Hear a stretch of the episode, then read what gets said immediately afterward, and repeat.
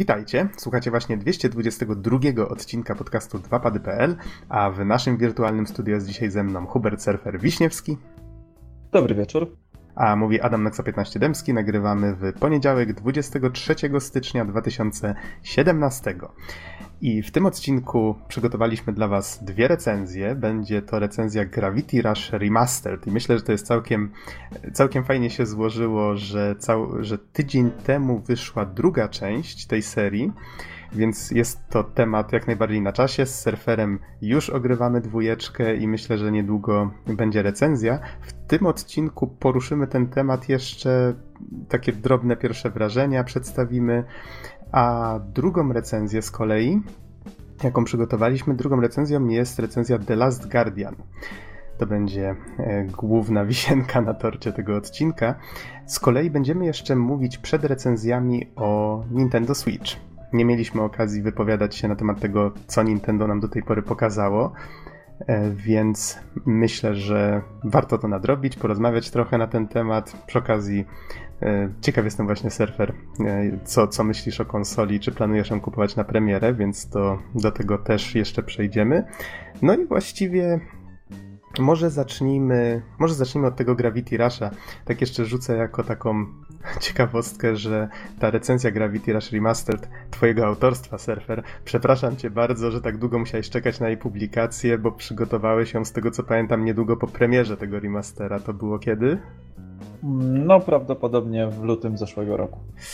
No właśnie, tak, tak. Tak jak już mówiliśmy, w zeszłym roku mieliśmy znacznie więcej materiałów niż podcastów i musimy to powoli, acz sukcesywnie nadrabiać.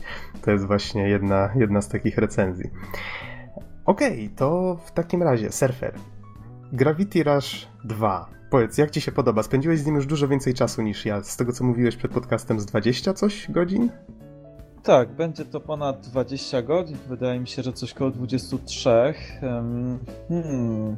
I wiesz co, mam dosyć duży problem z tą grą, bo no, oczywiście bardzo mi się podoba, podobnie jak jedynka, ale po pierwsze ma dużo wad i to takich wad, których bym się nie spodziewał, e, to znaczy natury technicznej.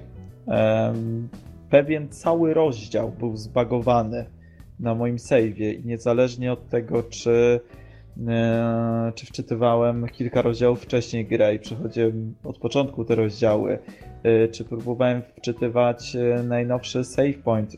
Nic nie pomagało. Generalnie było kilka miejsc po kolei w tym chapterze, w których się zablokowałem. I w jednej misji pobocznej miałem podobnie. Na szczęście udało mi się jakoś tam zgliczować grę, no ale powiem Ci, że nie spodziewałem się raczej wypadania poza lokację w jakąś nicość i takie mocne bagowanie gry, e, więc to jest na pewno duży minus. Po drugie, e, element, który uważałem, że jest najmocniejszy w poprzedniej części, czyli sama bohaterka Kat, e, którą poznawaliśmy, której widzieliśmy różnice w podejściu do pewnych rzeczy z czasem.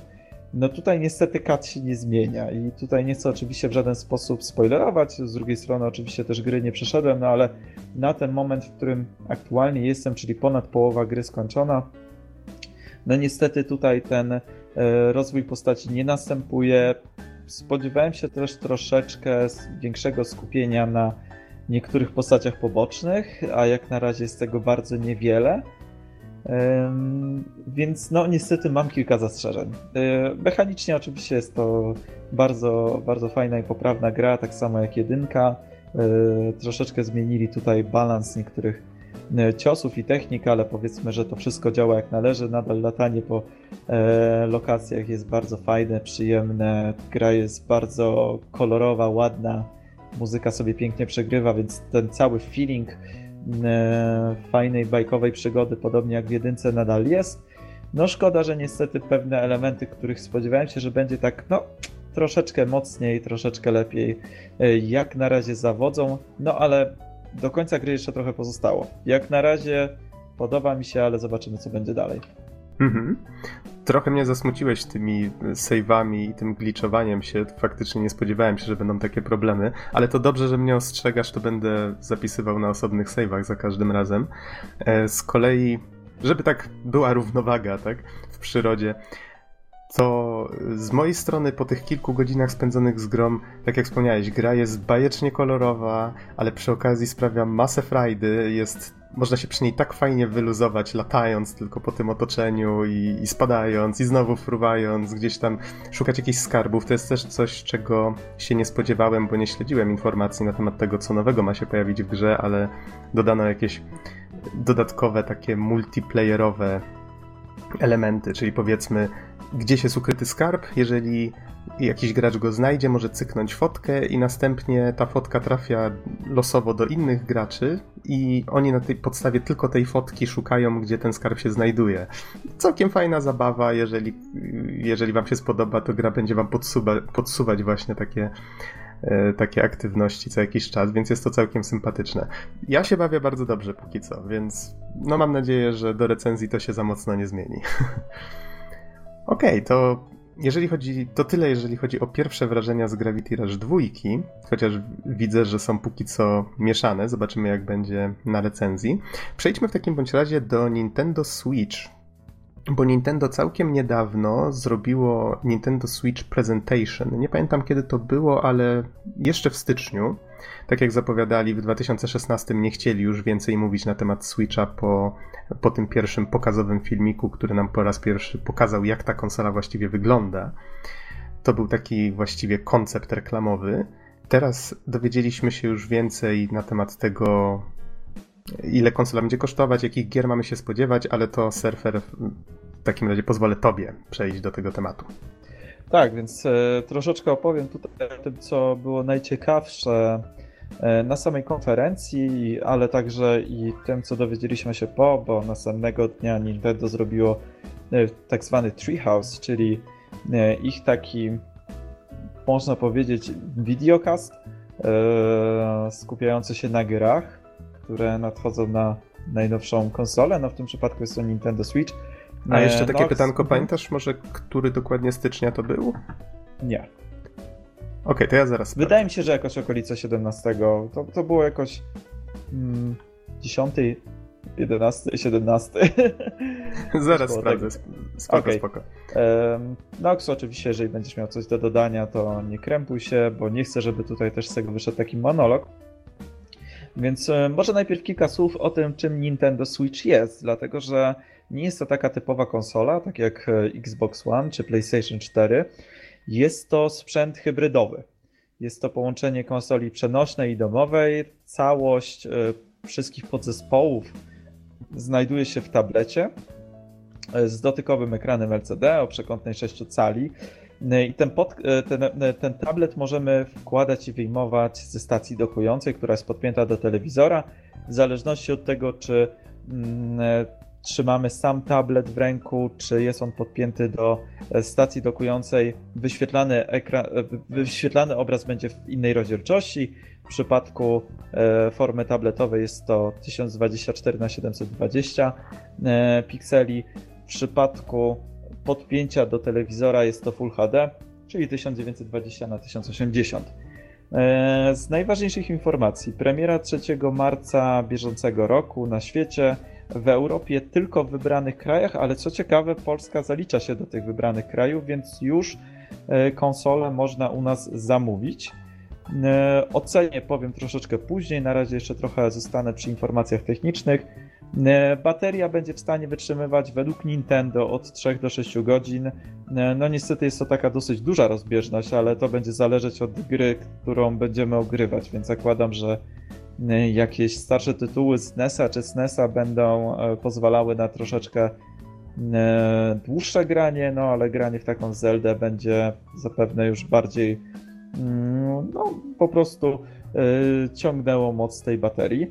Ale co ciekawe, Nintendo poszło troszeczkę wraz z trendem, z duchem czasu i zamontowało w swoim tablecie złącze typu USB-C czyli takie jak znajdziemy w wielu najnowszych smartfonach, więc e, bardzo możliwe, że was, wasz kabel od telefonu, jeżeli wymienialiście powiedzmy w zeszłym roku telefon, będzie działał razem z konsolą Nintendo Switch. Co jest bardzo fajne, bo oczywiście nie trzeba będzie wydawać tyle pieniędzy na podzespoły Nintendo. Konsola będzie miała budowane 32 GB przestrzeni dyskowej. E, będziemy mogli ją powiększyć o kartę typu microSD, przy czym, o ile dobrze słyszałem, będzie to obsługa aż do 2 terabajtów. E, z tego co wiem, obecnie na rynku nie ma nawet e, kart o pojemności 1 terabajta. No ale, ale fajnie, że, że tutaj Nintendo troszeczkę też spojrzało w przód i że tę swoją przestrzeń dyskową na, na gry czy różne inne media będziemy mogli sobie tak dosyć konkretnie powiększyć.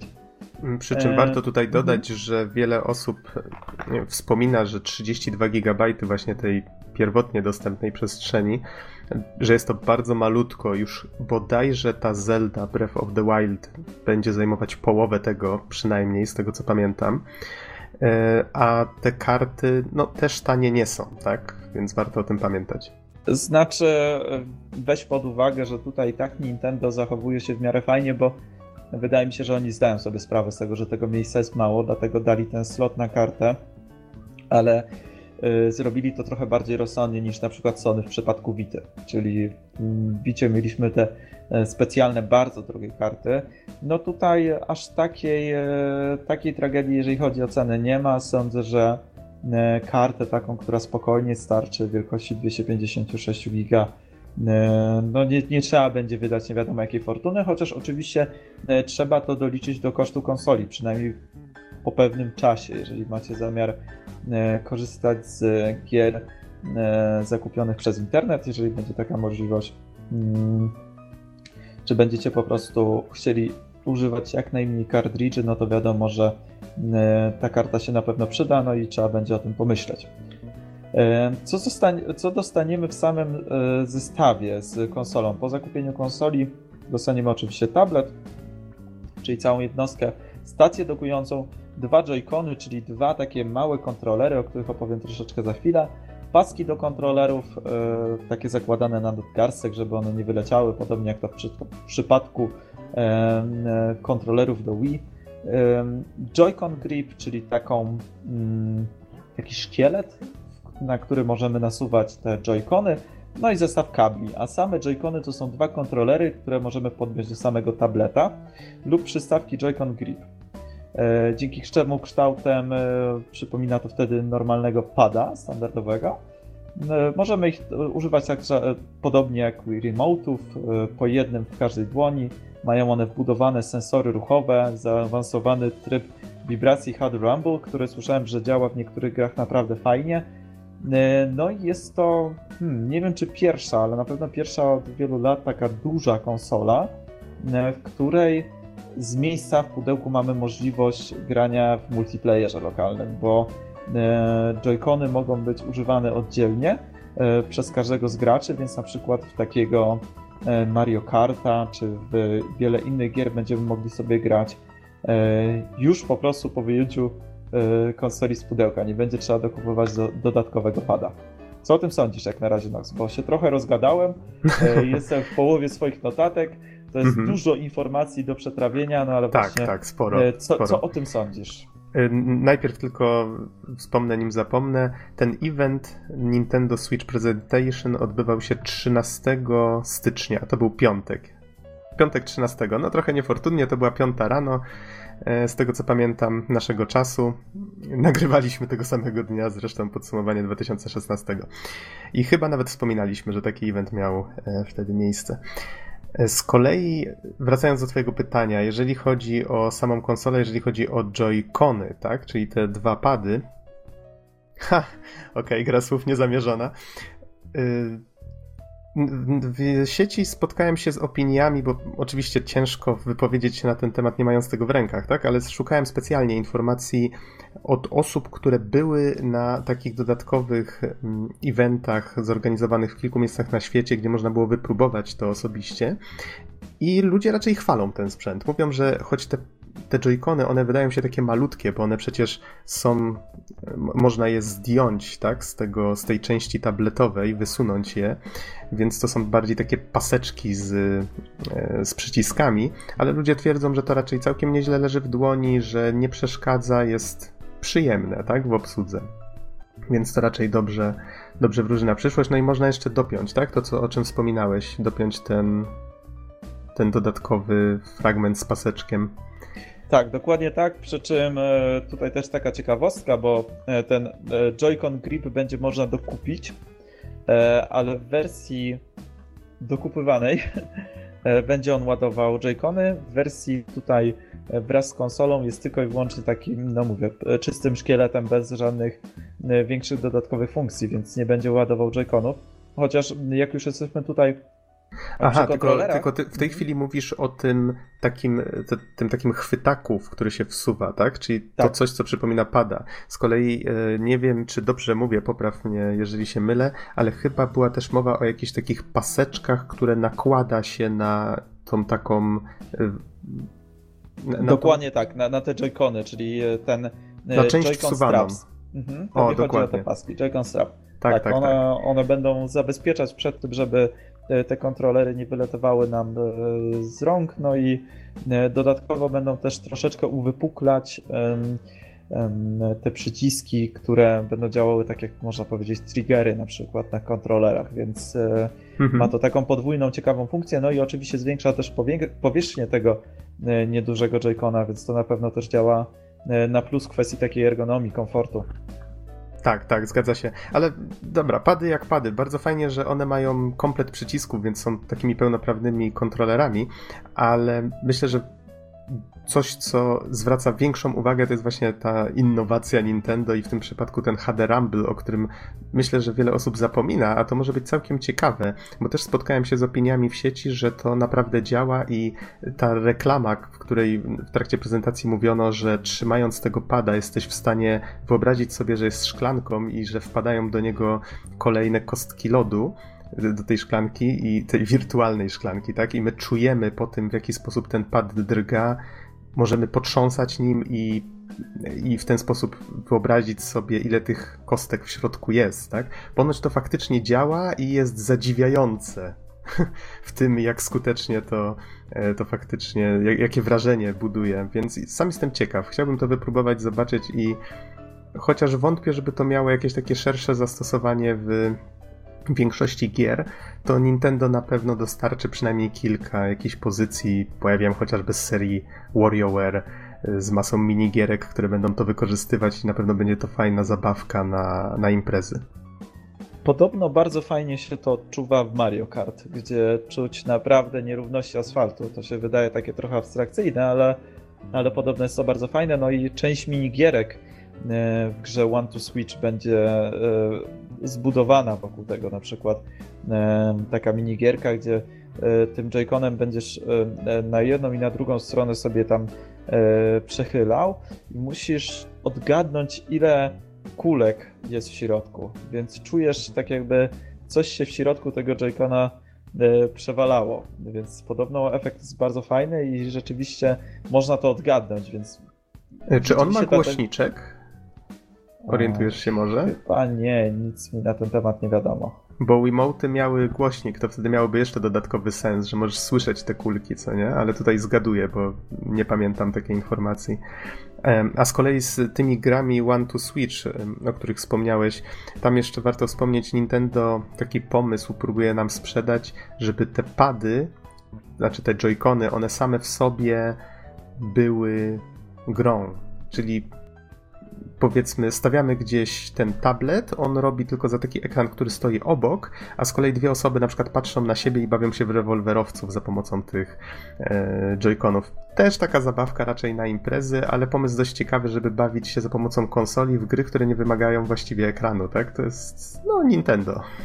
Nintendo i ich pomysły. Jak urozmaicić nasze growe życia.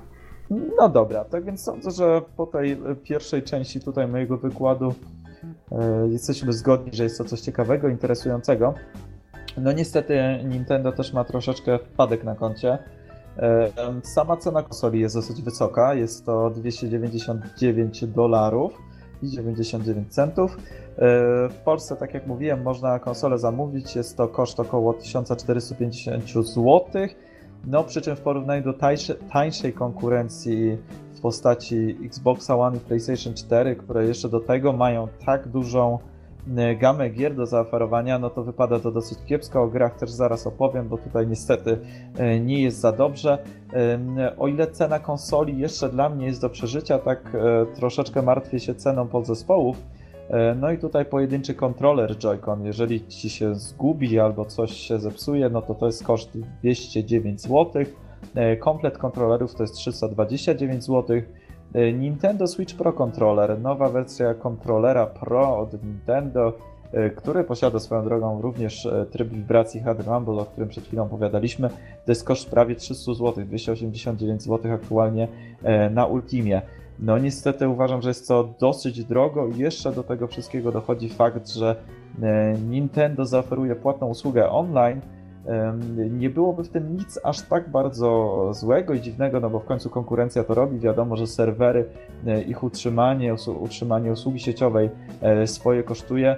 E, no niestety tutaj wydaje się to wszystko mało konkurencyjne względem reszty graczy tutaj na naszej scenie konsolowej. W ramach abonamentu dostaniemy jedną grę z NESa bądź z NESa na miesiąc. Po miesiącu ta gra wygasa, więc to nie jest tak jak w przypadku e, Xboxa One, e, czyli Xbox Live Gold czy PlayStation Plus, e, gdzie grę dostajecie i dopóki abonament opłacacie, macie do niej dostęp. Nie, tutaj dostajecie grę tylko i wyłącznie na miesiąc, więc są to takie, można powiedzieć, płatne dema 20-30-letnich gier, co ciekawe, usługa online jest obsługiwana z poziomu aplikacji mobilnej na smartfona. E, ma to swoje mm, może momentami logiczne zastosowania, no bo e, wiadomo, że nie każdemu chciałoby się w trasę gdzieś tam zabierać ze sobą jakiś wielki headset. Przy czym z drugiej strony można też oczywiście normalne słuchawki telefoniczne by było podpiąć, gdyby była taka opcja. E, no a niestety minusy są takie, że musimy mieć przy sobie nowe urządzenie dodatkowe e, z obsługą aplikacji. E, no i, i to wszystko takie się staje mm, mocno, mocno pogmatwane. Więc Wydaje niestety... mi się, że Nintendo wyszło tutaj z założenia, że i tak w dzisiejszych czasach wszyscy mają smartfony albo właśnie jakieś urządzenia mobilne. Więc może stąd ten pomysł. A skoro już o tym mówimy, polecam, żebyście wygooglali sobie Nintendo Switch Parental Control. Filmik, który pokazuje, jak wygląda kontrola rodzicielska na Switchu, i ona też się opierała aplikację na, na e, smartfona. Filmik został bardzo fajnie pokazany e, za pomocą Bowsera, tak, i jego, jego dzieciaka, i no, z takim typowym nintendowskim poczuciem humoru. Bardzo A, uroczy. Tak, bardzo uroczy, zgadza się, ale fajnie pokazuje, że rodzic będzie mógł kontrolować to, ile gra jego dziecko, e, w co gra, będzie mógł nawet jednym przyciskiem wyłączyć konsolę, jeżeli uzna to za stosowne. Y, I tego typu opcje właśnie będą dostępne dla rodziców, żeby mogli się albo razem bawić z dzieckiem, tak, albo kontrolować bardziej to, co robi z konsolą. I to jest fajne, bo tutaj y, dla mnie Nintendo wychodzi troszeczkę naprzeciw oczekiwaniom ludzi. To jest według mnie bardzo fajne rozwiązanie, że rodzice dostają taką możliwość, więc być może będą bardziej skłonni, e, żeby kupić tego typu konsole dziecku. Ale, ale szkoda, że właśnie w tak wielu innych kwestiach Nintendo nadal pozostaje e, gdzieś tam w tyle i troszeczkę takim swoim betonowym myśleniu. Słuchaj, proponuję, żebyśmy przeszli do gier, bo sprzęt, E, te całe peryferia i tak dalej, to jest oczywiście wszystko bardzo ważne, to się składa na tę jedną taką spójną, bądź niespójną według mnie w tym przypadku całość, no ale wiadomo, że to wszystko nie ma sensu, jeżeli nie ma gier. Na premierę konsoli mamy aktualnie zapowiedziane 5 gier, przy czym przeczytałem także o szóstej grze, e, może wymienię od razu tę szóstą grę, Tessaion Setsuna, e, która ma się pojawić na premierę konsoli. Ale oprócz tego, The Legend of Zelda Breath of the Wild to wiadomo jest największy tytuł. E, spekulacje były od dłuższego czasu, czy rzeczywiście wyrobią się na premierę. Nintendo potwierdziło 3 marca zaklepane. E, drugą grą jest One to Switch, trzeci jest Bomberman R, e, czwarte Skylanders Imaginators i piąte Just Dance 2017, no i szóste I Am Setsuna, które wymieniłem na początku. Powiedz mi, Noxie, co o tym sądzisz? W moim przypadku ani Super Bomberman Air, ani Skylanders Imaginators, Just Dance i tak dalej, to raczej nie jest moja bajka, więc ja najbardziej właściwie patrzę w stronę The Legend of Zelda. Powiem ci, że zwiastun tej gry wygląda prześwietnie. To Bardzo być... wzruszający. Powiem ci, że seria zupełnie Yy, nie, nie interesująca dla mnie. Nigdy Piękna, filmowa. Mu... Ale przepiękne. Yy, nawet te emocje Zeldy były takie bardzo poruszające, więc tak, yy, naprawdę tak. jeden z lepszych trailerów ostatniego czasu, zdecydowanie. I ta piękna filmowa muzyka, i właśnie te emocje, o których wspomniałeś, to może być naprawdę najlepsza Zelda od lat. Mam nadzieję, że faktycznie spełni oczekiwania, bo zwiastun, zwiastun zbudował niemałe. E, I nawet, nawet zacząłem się zastanawiać, czy nie powinienem kupić tej konsoli na premierę tylko i wyłącznie dla tej, dla tej gry, tylko zastanawiam się, czy potem nie skończy się to tak, że nie będę miał w co grać na tym sprzęcie przez najbliższe, nie wiem, pół roku, więc nie wiem jak w twoim przypadku. Mo może wymieńmy trochę no właśnie, za dlatego chwilę te tytuły przejdźmy, kolejne. Przejdźmy szybko mm -hmm. przez mhm. tytuły. W marcu będziemy mieli e, zapowiedziane, mamy aktualnie Sniper Clippers, to jest swoją drogą taka ciekawa minigierka. E, nie wiem, czy widziałeś gameplay tego, bo nawet nie wiem, czy był na konferencji. E, nie to kojarzę. Jest, chodzisz takimi ludzikami i wzajemnie się wycinasz, żeby móc dostać A, się w tak, niektóre tak, tak. miejsca i aktywować różne tam przełączniki i tak dalej. Wygląda bardzo fajnie. Będzie Fast Remix, to jest Fast Racing Neo z mm, Wii U, czyli taki klon troszeczkę e, Wipeouta i F-Zero e, w wersji remix, czyli e, jakiejś tam podkręconej z dodatkowymi trasami i tak dalej. Has Been Heroes, o tym akurat coś czytałem, ale zupełnie mi wyleciało z głowy. Nie wiem tak naprawdę co to jest, ale to jest chyba jakaś nieduża gra. Nie pomogę ci tutaj akurat. Y, pamiętam tylko, że Suda51 wyszedł na prezentacji i mówił, że kolejna gra z serii, o ile mnie pamięć nie myli, No More Heroes. To było to, co się z jarzeniówką eee, latało na Wii? E, słuchaj, tylko z tym No More Heroes to też podobno nie do końca tak. To znaczy, Aha. wiadomo, że coś będzie, ale nie wiadomo tak naprawdę co. E, posłuchaj, przelecę szybko przez gry. E, okay. Pod koniec kwietnia, 28 kwietnia, dostaniemy kolejną dużą grę, czyli Mario Kart 8 Deluxe. E, no tutaj dodatkowy Battle Mode, kilka nowych postaci, m.in. Inklingi z, ze Splatuna dwójki, ze Splatuna ogólnie jako serii, więc jakieś tam dodatkowe zmiany. Na wiosnę zapowiedziane jest ARMS. To jest bardzo ciekawa gra, bardzo mm, przyjemnie wyglądająca bijatyka, w której będziemy mogli używać e, joyconów e, zarówno w wersji takiej ruchowej, ale będziemy mogli także używać ich standardowo. Właśnie, e... Właściwie taki box z rękawicami na sprężynach. Tak dokładnie to tak. Szybko opisać. Tak. Bardzo ładnie to opisałeś. Dostaniemy też Disgaea 5 Complete, Puyo Puyo Tetris oraz Rime. Rain cieszy o tyle, że to jest gra, która najpierw nas, pamiętam, oczarowała na, przynajmniej mnie, na którymś E3, bo wyglądała bardzo jak Ico, tylko bardziej kolorowe. Potem zniknęła na bardzo długo. W pewnym momencie pojawiła się informacja, że Sony już nie będzie wydawcą, więc wszyscy myśleli, że być może e, niedługo tytuł zostanie anulowany, ale jednak wraca. Nie pamiętam dokładnie na jakie platformy ma się ukazać, ale jak widać premiera już niedługo. Chyba na prawie wszystko, co większe. E, następnie e, na lato dostaniemy drugą część Splatoon. Na jesieni The Elder Scrolls V Skyrim. E, na święta Bożego Narodzenia Super Mario Odyssey. No i zapowiedziane na 2017 rok są Xenoblade Chronicles 2, Ultra Street Fighter 2 The Final Challenge, Minecraft, FIFA, Sonic Mania, I'm Setsuna, o której już wspomniałem, już znamy przynajmniej e, z plotek na tę premierę, e, Steep, e, Siberia Free, NBA 2K, Dragon Ball Xenoverse 2. No i żeby już kończyć może z mojej strony tego, ten wykład na temat gier, zaraz sobie oczywiście pogadamy o tym, co, co nas bardziej tutaj interesuje. Zaprezentowano także różne inne trailery, między innymi nowej gry z serii Shin Megami Tensei. Wiemy, że to będzie kolejna gra czy to będzie Shin Megami Tensei 5, tego jeszcze niestety nie wiemy, ale fajnie, że Atlus tutaj e, wskoczył na duże konsole już tak na poważnie. E, no i nową grę od twórców Bravely Default, Octopath Traveler, o ile dobrze pamiętam. No i czy, czy, to było, czy to było to, co łączyło grafikę 2D z takimi ładnymi sprite'ami? Co ja mówię, 3D ze sprite'ami? Tak, dokładnie tak. Bardzo fajnie to wyglądało, chciałbym coś takiego zagrać. Z no i słuchaj, to... Noksiu, mhm. tutaj e, wymieniłem już te gry, no niestety na premierę jest ich tylko 6. powiedz mi, co o tym sądzisz? Jakie jest twoje zdanie? Mi się wydaje, że trochę mało. Tak, jest tego zdecydowanie za mało. Zelda jest, właściwie gdyby tej Zeldy tu nie było, to bym powiedział, że jest tragicznie.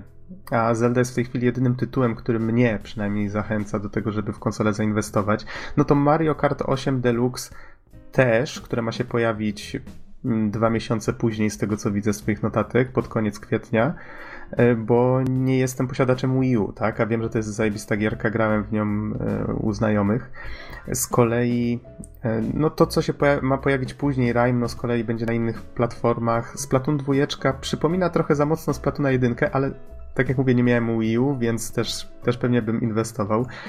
Super Mario Odyssey to jest coś, co wiele osób właśnie krytykuje, że dopiero na święta, strasznie późno, bo to jest bardzo fajnie zapowiadająca się gra z Mario w otwartym świecie. Ponoć, ponoć trzecia po Super Mario 64 i Super Mario Sunshine, więc widać, że one wychodzą w takich dość dużych odstępach.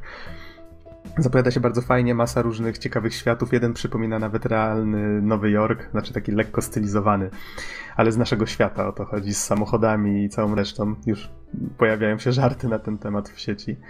No a cała reszta tych, tych tytułów, no tutaj widzę, że spora część z nich też będzie na, czy jest dostępna w jakiejś formie na, na innych konsolach, tak? W Syberię trójkę na pewno będę po prostu grał na PC-cie, ale Xenoblade Chronicles dwójeczka brzmi fajnie, tylko że musiałbym zacząć się w końcu z serią zapoznawać od podstaw. Trochę miałbym do nadrobienia. No niestety widać, że tutaj e, bardzo mocno Nintendo postawiło na Zelda i że tak naprawdę to jest taka ich karta przetargowa, e, jeżeli chcą w ogóle sprzedać tę konsolę. No to znaczy, ale, ale i tak powiem, wiadomo, że konsola się sprzeda. Hmm? Powiem tak, jeżeli Nintendo na E3 zapowie nowego Metroida i jeżeli będzie to jeszcze dodatkowo Metroid Prime od twórców yy, poprzednich Prime'ów, tak, Retro Studios, jeżeli mnie pamięć nie myli, no to wtedy tak. Switch od razu ląduje u mnie na biurku i czekam tylko na premierę, więc tutaj, tutaj mogę być pewien swego. No tak, tylko właśnie dokładnie to, o czym mówiłeś na początku, czyli yy, kupno premiery na początku marca i co dalej. Yy, Mario Kart yy, po drodze, mm, w moim przypadku, no oczywiście jeszcze Fast Racing Neo. ARMS wygląda dosyć fajnie, no i dopiero na lato z Platunu, więc tak na dobrą sprawę przez kilka miesięcy niewiele.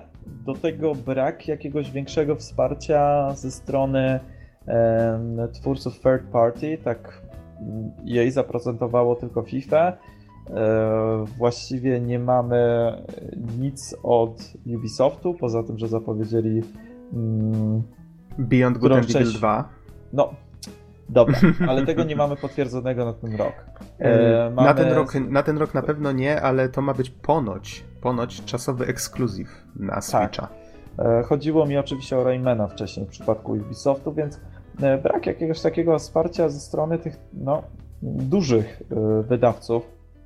Widać, że tutaj e, większość gier zapewnia e, Nintendo, więc trochę Czyli w sumie w sumie tak jak zwykle i dlatego wiele osób twierdzi, że no, miejmy nadzieję, że tak nie będzie, że się powtórzy historia z Wii U. Czyli sprzęt był intrygujący, fajny, miał sporo takich małych gierek, które świetnie się sprawdzają na imprezach, ale mimo wszystko, jeżeli kupił ktoś tę konsolę, żeby mieć bardzo szeroką gamę tytułów, które mógłby zagrać, no tu już niekoniecznie spełniła oczekiwania, tak? Wiele osób twierdziło, że kupiło konsolę, pograło w nią trochę, a potem nie miało co z nią robić.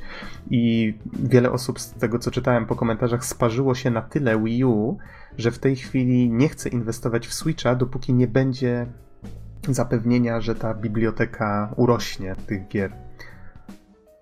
Przy czym warto pamiętać, że jest to sprzęt również przenośny, więc gry, które do tej pory wychodziły na duże konsole, będą wychodzić też na, e, przynajmniej niektóre, na Switcha.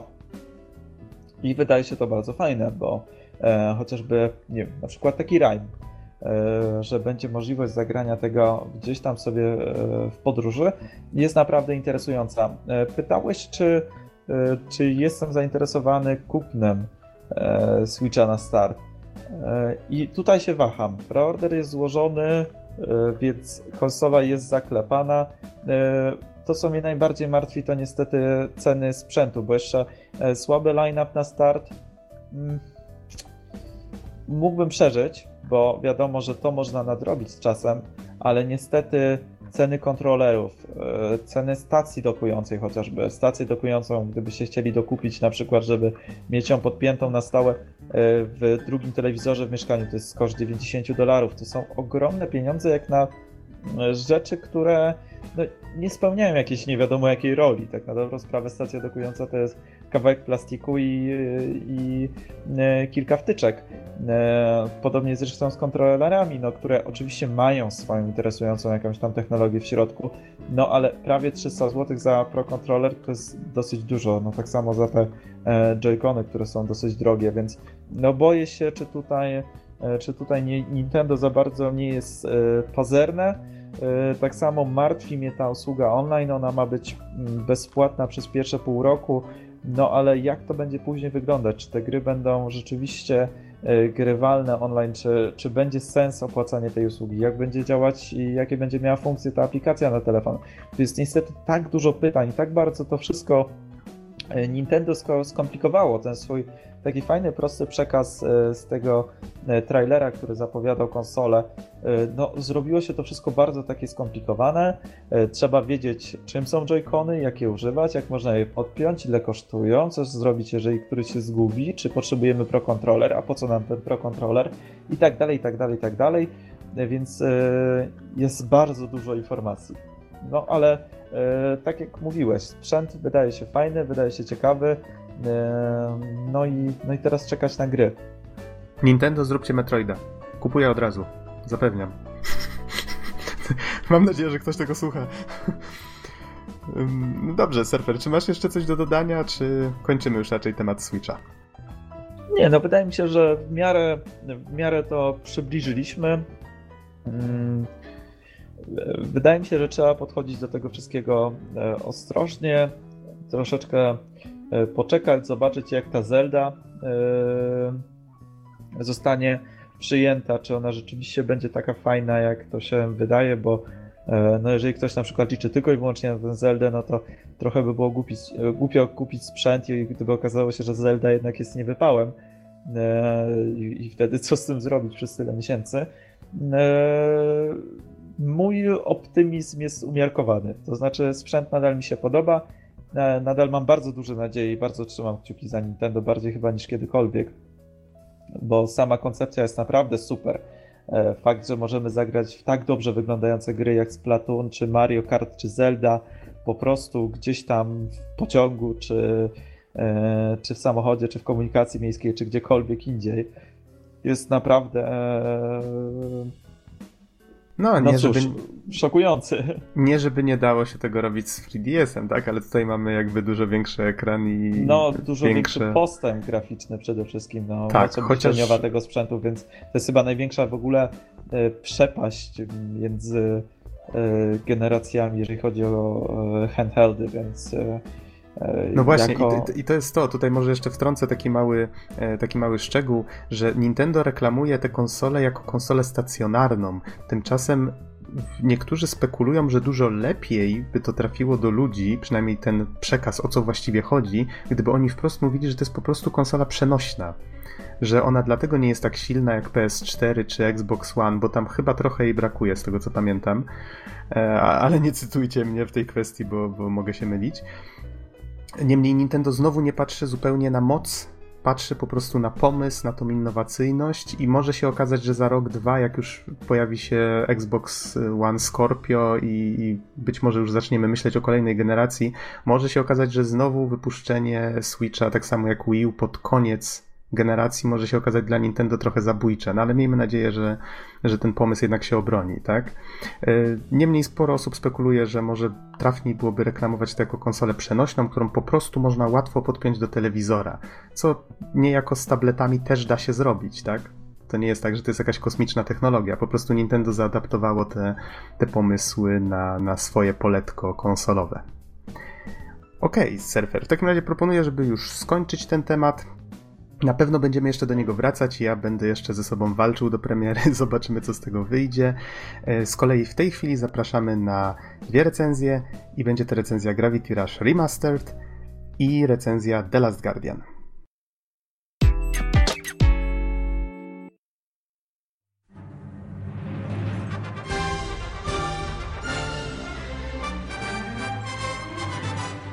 W wirtualnym studiu jest teraz ze mną Hubert Surfer Wiśniewski, witaj. Witam, witam. A mówię Adam Naksa 15 Dębski, nagrywamy w niedzielę 13 marca 2016. I teraz Surfer opowie nam o grze Gravity Rush, a konkretniej o Gravity Rush Remastered, które niedawno zostało wydane na PS4. Nie wiem, Surfer, czy ja mam przedstawić trochę danych encyklopedycznych, czy... No może ja zacznę. Tutaj, bo akurat okay. tak się złożyło, że e, kilka minut temu skończyłem recenzję pisać, e, taką pełnoprawną powiedzmy, więc e, mam tutaj taki Rozumiem, że będzie można ją na Innerworldzie przeczytać jak ktoś kiedyś ją y, zredaguje i wrzuci, to pewnie tak, ale nie oczekiwałbym tego zbyt wcześnie. No, pewnie tak, więc... tak samo jak ta recenzja trafi z podcastem, tak? Do sieci tak samo. Miejmy nadzieję, że z podcastem będzie trochę lepiej. Dobra, więc y, Gravity Rush to gra znana także pod nazwą Gravity Days w Japonii. Została wydana oryginalnie na konsoli PlayStation Vita w 2012 roku. Jej odświeżona wersja wylądowała na PlayStation 4 pod koniec zeszłego roku. W Japonii, a na początku lutego bieżącego roku w Europie i Stanach Zjednoczonych. E, Gravity Rush zostało wyprodukowane przez Sony Computer Entertainment Japan Studio, które na swoim koncie ma takie gry jak Knack, Patapon, serię Ape Escape, moje ulubione Legend of Dragons z czasów PSX-a, o którym pewnie nikt nie pamięta i wiele, wiele innych. No to tyle danych e, encyklopedycznych. Jest to taka dosyć świeża gra, no bo mm, ma niewiele ponad miesiąc. Ja ją przeszedłem około 2-2,5 tygodnia temu więc troszeczkę już zdążyłem ochłonąć i sobie pewne e, rzeczy poukładać w głowie. Mhm. A właśnie, czy ja dobrze pamiętam, że ty grałeś w wersję na Vita, czy... Tak, grałem chwilę w wersję na Vita. Mm, ta w ogóle e, wersja na Vita leżała u mnie przez wiele, wiele miesięcy. Za bardzo nie chciałem się za nią zabierać, właśnie wiedząc, że powstaje remaster, ale w pewnym momencie wreszcie usiadłem, zagrałem chwilę i po jakiejś godzinie stwierdziłem, że gra mi się na tyle mocno podoba, że po prostu pojechałem do sklepu i kupiłem. E, kupiłeś remaster? Tak, kupiłem remaster, bo tak jak mówię, na Vita mam pełną wersję, więc teraz też mam wersję na PS4, ale stwierdziłem, że gra jest na tyle ciekawa i intrygująca, że y, chcę zagrać w tę taką pełną wersję mm, w 60 klatkach na sekundę, z lepszymi teksturami i mm -hmm. z wyższą rozdzielczością, gdzie ten y, cały obraz jest troszeczkę bardziej taki czysty. Mm, no i generalnie gra się dużo przyjemniej, nie ma co się oszukiwać. Okej, okay, czyli recenzja dotyczy wersji ulepszonej, ale będziesz miał też porównanie. No to bardzo fajnie. Tak, jak najbardziej. E, więc czym właściwie jest Gravity Rush? E, jest to gra z gatunku Action Adventure, w której sterujemy dziewczyną o imieniu Kat, e, która dzięki umiejętnościom tajemniczego kota, nazwanego przez bohaterkę pieszczotliwie Dusty, dostaje moc zmiany grawitacji, co staje się takim epicentrum rozgrywki. Jest to taka nasza główna moc, dzięki której możemy poruszać się po świecie może, może zacznę od tego, jak wygląda sama gra stylistycznie, gdzie zaczynamy grę, kim jest nasza bohaterka i tak dalej. Więc mm, miasto, w którym przez większość gry się poruszamy, to Hexville, podzielone na cztery strefy, które wraz z rozwojem fabuły odkrywamy. E, każda strefa jest zupełnie inna kolorystycznie, stylistycznie, przegrywa inna muzyka, jest inny klimat, więc wiesz, mamy taką e, strefę mieszkalną, mamy strefę biznesową, mamy strefę, gdzie możemy się dobrze bawić, gdzie jest masa pubów i tak dalej, i tak dalej. No i e, powiem szczerze, że to wyszło całkiem fajnie, wiesz, na tyle często się trafiamy do nowych miejsc, że jest to takie dosyć odświeżające, a do tego jest jeszcze kilka innych miejsc poza tymi dystryktami, mm, o których za, za bardzo nie chcę mówić, dlatego że uważam, że są na tyle mm, intrygujące i zaskakujące, że trochę szkoda by było to spoilerować. No ale nasza bohaterka, Kat, o której wspominałem wcześniej, oczywiście jak to bywa przeważnie w grach japońskich, e, budzi się e, z kompletną amnezją, nie pamięta zupełnie nic, co się działo, kim właściwie jest, e, gdzie jest i tak dalej. No tak, standard. Taki standard, ale właśnie to, co jest bardzo zaskakujące, to to, że bohaterka bardzo mocno wychodzi poza te takie sztampy gatunku. Wiesz, może się na początku wydawać, że to jest taka troszeczkę zagubiona dziewczynka i. Mm, i że tutaj zbyt wiele się nie zmieni, ale Kat praktycznie na każdym kroku zaskakuje. Jest taka bardzo um, intrygująca, ciekawa. E, jest oczywiście pomocna, troszeczkę taka e, też łatwowierna, ale bywa też taka. Mm, wiesz, tak lubi dogryzać ludziom, lubi z nimi flirtować trochę i tak dalej, więc powiem ci szczerze, że akurat bohaterka jest świetna i to jest to, co zdecydowanie mm, mnie przykuło do gry. I że chciałem poznać całkowicie tę historię.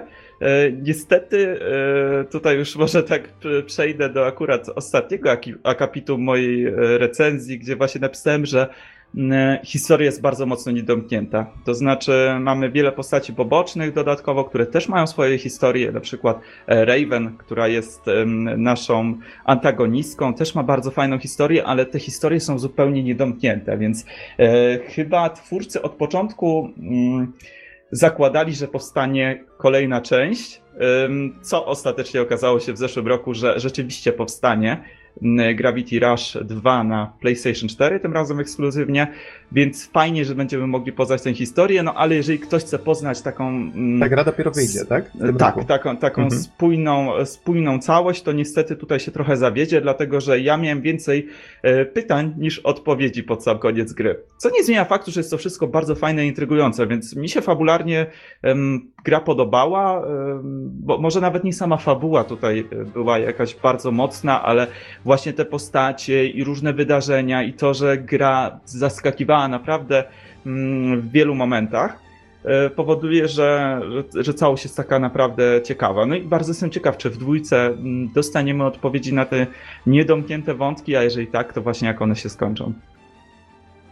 Mhm. A tak chciałem zapytać trochę bardziej o same lokacje, bo wspomniałeś, że jest to miasto, ma różne dzielnice, no to brzmi tak dość normalnie, ale jak patrzę sobie na materiały graficzne, to całość jest w dość takim nietypowym klimacie. Tutaj co prawda mieszają mi się trochę pewnie screeny z nadchodzącej części, ale no tutaj głównie kolorystyka zielona się przewija przez te materiały. Wspominałeś, że to się potem zmienia, tak, ten klimat. Akurat zielona stylistyka jest chyba w ostatnim dystrykcie. Mm, tak, dosyć, dosyć intrygujące jest to miasto, dlatego że ona unosi się w powietrzu. Więc e, jest troszeczkę inaczej zbudowane niż miasta, które widzimy na co dzień. E, I e, jest to o tyle ciekawe, że przy, przy, przy pomocy zmiany grawitacji możemy lecieć na przykład na tą część miasta spod spodu, na którą możemy spojrzeć i biegać, więc widzimy różne inne elementy. Do tego samo miasto jest dosyć chaotyczne ze względu na wydarzenia, które się dzieją na początku gry, gdzie jest właśnie rozerwane na te cztery strefy i dopiero z czasem jest ono sklejane w jedną całość. Czyli jakby postępy w mhm. grze są pokazywane jednocześnie stanem miasta. E, między innymi też. Mhm. Między innymi też, chociaż tak jak mówiłem, trafiamy też w inne miejsca i, i jest to też taka dosyć ciekawa odskocznia, bo jednak miasto to miasto, nie jest powiedzmy, jeżeli już przyzwyczaisz się do tych widoków, domków i tak dalej, no to nic cię aż tak mocno nie zaskoczy, ale trafiamy również do bardzo dziwnych i specyficznych lokacji, y, które zupełnie już odbiegają stylistyką od tego, co, co, z czym stykamy się na co dzień. Do każdej lokacji do tego możemy wrócić, więc to jest y, też fajne, że mm, jest to gra, w której no nie możemy nic ominąć tak naprawdę, wiesz, w, każ w, każdym momencie, no może nie w każdym momencie, ale pod koniec gry możemy wrócić do wszystkich misji pobocznych i tak dalej, których jest masa, czy do miejsc, których bywaliśmy wcześniej, Ym, więc to jest też dosyć, dosyć fajne.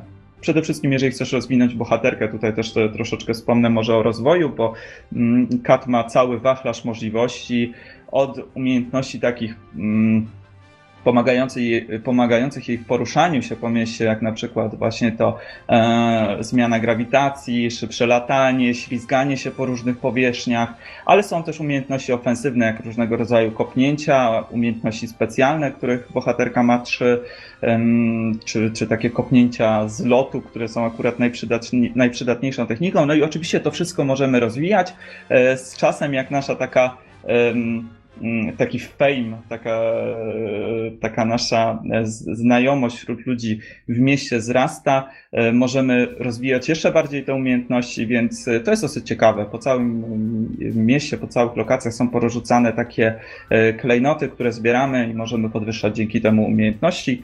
No i za rozwiązywanie zadań pobocznych też możemy rozwijać bohaterkę. Więc generalnie ten progres jest bardzo fajny, taki przyjemny. E, widać, że e, tam każda ta umiejętność, e, każdy kolejny poziom coś nam daje, więc to jest bardzo fajnie rozwiązane. A wiesz co, tak jeszcze na sekundkę wrócę do miasta. Mianowicie, jaki to jest styl? Czy to jest coś w rodzaju. Czy to jest coś w rodzaju fantazji? Czy... Znaczy, nie, nie, nie mam na myśli graficznie. Chociaż to Aha. też dobrze że wspomniałeś, tak? Tak, e, bardziej mam na myśli. Mhm. Bardziej mam na myśli setting. Czy to jest bardziej tak w stylu fantazy, czy bardziej w stylu um, takiego steampunku? Bo widzę na przykład maszyny latające, co nie? To jest chyba taka mieszanka, wiesz, e, chyba bardziej w stronę steampunku mimo wszystko, wiesz, są różne takie maszyny latające, statki, e, całe miasto też ma, właśnie jak polecisz od spodu, to widać jakieś takie um, różne elementy steampunkowe, więc wydaje mi się, że trochę, trochę to pasuje do tego klimatu, um, ale właśnie klimat jest na tyle mm, niepodobny według mnie i stylistyka do czegokolwiek innego, że nawet y, ciężko to tak zaszufladkować w jeden konkretny styl. Na pewno tak jak wspomniałem Ci o samym stylu graficznym, że jest to cel shading, więc jeszcze mm, bardziej wpływa to na taki mm, ciekawy odbiór tej gry. Do tego są takie mm, przerywniki, e, scenki są w postaci komiksu, bardzo fajnie narysowanego, e, zrobione, więc cała, cała oprawa i stylistyka jest dosyć e, mm, ciekawa i niespotykana według mnie w Przypomina trochę produkcjach. Anime. Trochę tak, no bo to w końcu japońska gra. Mhm. No właśnie, a powiedz mi, bo rozumiem, że celem jest złożenie tego miasta w całość, tak? Pod tym, co mówiłeś wcześniej. Między innymi, ale nie tylko. Ale tutaj e, no, musielibyśmy wejść troszeczkę głębiej w fabułę, czego okay, raczej chciałbym okay. uniknąć. E, ale to jest taki, powiedzmy, mm, element poboczny tego, co robimy na co dzień. To jest to też, że mm, to miasto składa się e, w całość. Ale tak jak mówię, tutaj są na tyle ciekawe te wątki fabularne, że naprawdę nie chciałbym tutaj zdradzać. Dlatego nawet w swojej recenzji pisanej omijałem fabułę e, szerokim łukiem. Napisałem tylko tyle, że jest bardzo ciekawa, intrygująca, ale mm, spotykamy tak zwariowane postacie, które no nie wiem, wykraczają poza to, co normalnie spotykamy w grach, mi się wydaje. Okej, okej, okay, to zapytam o coś innego. Wspomniałeś o kopnięciach, czyli domyślam się, że jest walka, a jak jest walka, no to musimy mieć jakichś przeciwników, o tym chyba nie wspomniałeś. Tak, są to takie potworki trochę mm, przypominające y, według mnie Heartlessy z, y, z serii Kingdom Hearts. E, każdy z tych potworków ma swoje słabe punkty. Są to takie świecące mm, strefy, takie, e, przepraszam, sfery, e, takie świecące, które musimy kopnąć. No i niestety system walki to jest chyba najsłabszy element tej gry, co jest dosyć, e, dosyć dużym zawodem, no bo jednak dużo tego robimy w grze. Mm, chodzi o to, że wszystkie umiejętności są dosyć słabe poza jedną konkretną, czyli kopniakiem z góry. Jak sobie wylecisz w powietrze, to jeżeli sobie wylecisz na odpowiednią wysokość, to tym kopniakiem możesz czasami sprzątnąć przeciwnika na raz. E, Im jesteś wyżej, z tym większym impetem uderzysz, tym większe obrażenia zadajesz. Niestety wszelkie kopnięcia czy techniki, które robimy z poziomu ziemi, czy, czy z poziomu naszej bohaterki stojącej na jakiejś powierzchni, są dosyć słabe e, i narażają nas na dosyć duże niebezpieczeństwo, więc tak naprawdę wykorzystujemy ciągle albo ten kopniak z powietrza, albo jedną z trzech umiejętności specjalnych, no co niestety staje się monotonne. To niestety nie da się ukryć, że tutaj y, twórcy nie dali rady, nie stworzyli tego systemu na tyle ciekawego. Wiesz, wydaje mi się, że wystarczyłoby wrzucić, nie wiem, ze 3-4 różne kombosy, które możesz wykonać y, z ziemi i już by było bardzo fajnie. A niestety przez to, że mamy tak tylko y, maszowanie jednego przycisku tego kombosa na ziemi, to, to, to wyszło dosyć słabo. No, Mam nadzieję, że w Gravity Rush 2 to poprawią. E, niestety z tego co widzę po gameplayach, e, trailerach, gameplay jest dosyć podobny, e, więc nie jestem tak do końca tego pewien. No ale jeżeli ktoś chce tylko i, wyłącznie, tylko i wyłącznie ze względu na gameplay zagrać tę grę, to chyba raczej bym odradzał. Mm, chociaż gra ma bardzo ciekawe mechaniki, których nie spotkamy nigdzie indziej, więc może warto dać szansę.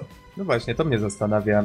Jak się mówisz, że walka jest monotonna, a jak właśnie wygląda ta główna mechanika, czyli ta zmiana grawitacji? Bo domyślam się, że to powiedzmy biegasz sobie po ścianie, odczepiasz się od niej, lecisz sobie bokiem, tak, w sensie wzdłuż ulicy, zmieniasz grawitację, przyczepiasz się do innej ściany. Czy to jest wygodne, czy, czy faktycznie da, sprawia fan?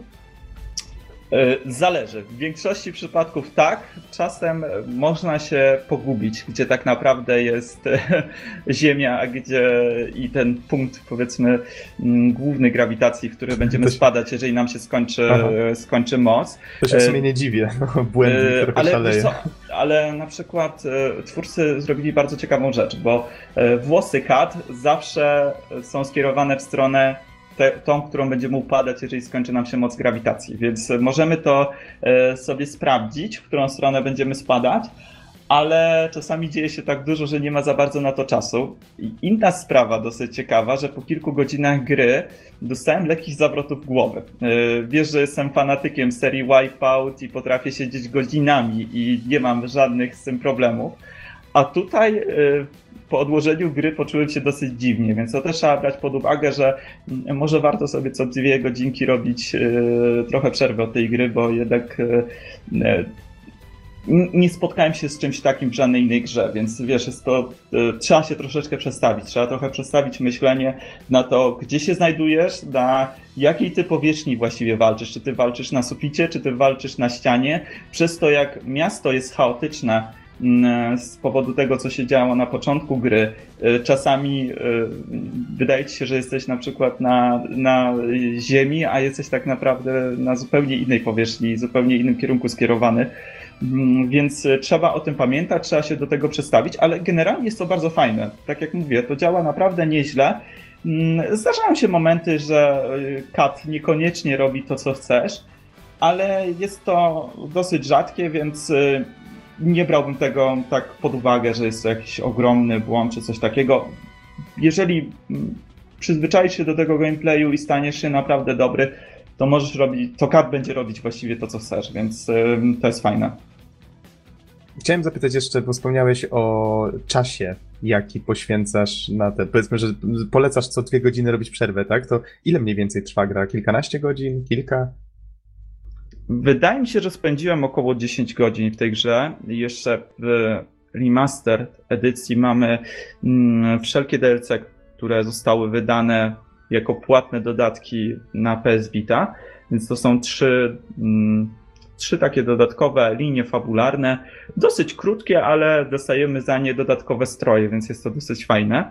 Mm, e, do tego jest e, dużo misji pobocznych, więc w każdym z tych dystryktów czy miejsc, które odwiedzamy, mamy dodatkowo zadania poboczne, e, pobocznych bossów do pokonania i tak dalej, więc e, jeżeli chcesz tak naprawdę tę grę dokończyć e, w 100%, no to trzeba spędzić trochę przy tym czasu. Wydaje mi się, że około mm, no, 16 godzin spokojnie można przy tej grze spędzić, ale tak jak mówię, tu nawet to, co wydawałoby się, że jest takim najciekawszym elementem, czyli właśnie mechanika gry, no jest fajna, ale ta gra dla mnie przede wszystkim yy, broni się klimatem, postaciami, yy, stylistyką i tak dalej. Więc jeżeli ktoś naprawdę patrzy tylko i wyłącznie na gameplay, to nie jestem pewien, czy, czy jest to gra dla niego.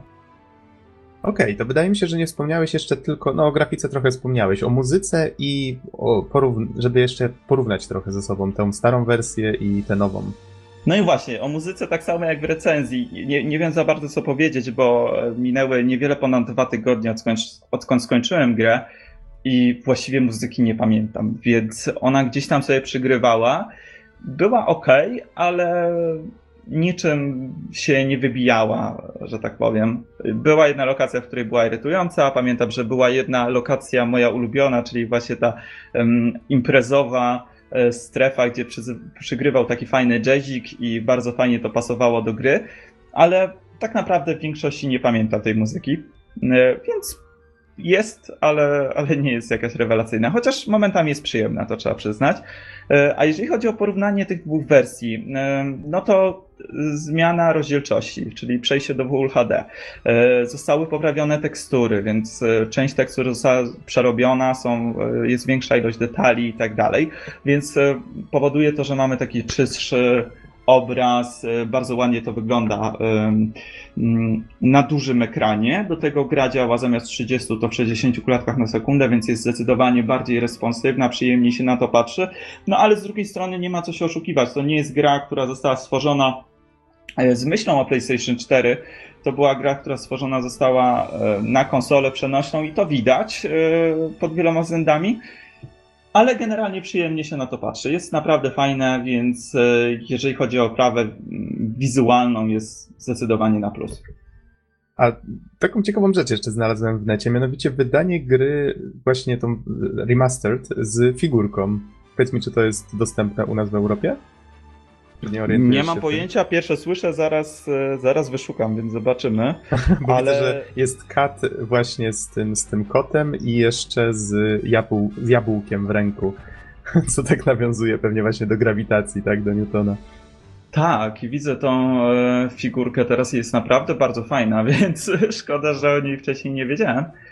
I to jest, e, rozumiem, z jakiejś wersji kolekcjonerskiej, czy to jest po prostu. Nie mam pojęcia, dopiero co to mm, znalazłem, więc mm, szkoda, znaczy, że nie widzę, że tego wcześniej. Figurka, figurka jest dostępna, teraz patrzę na Amazonie, w cenie 320 dolarów, więc wydaje mi się, że to była jakaś chyba limitowana figurka, ale wygląda naprawdę bardzo ładnie, więc jeżeli ktoś jest zainteresowany i ma na zbyciu tam około 1000 zł, to może warto zainwestować. Auć.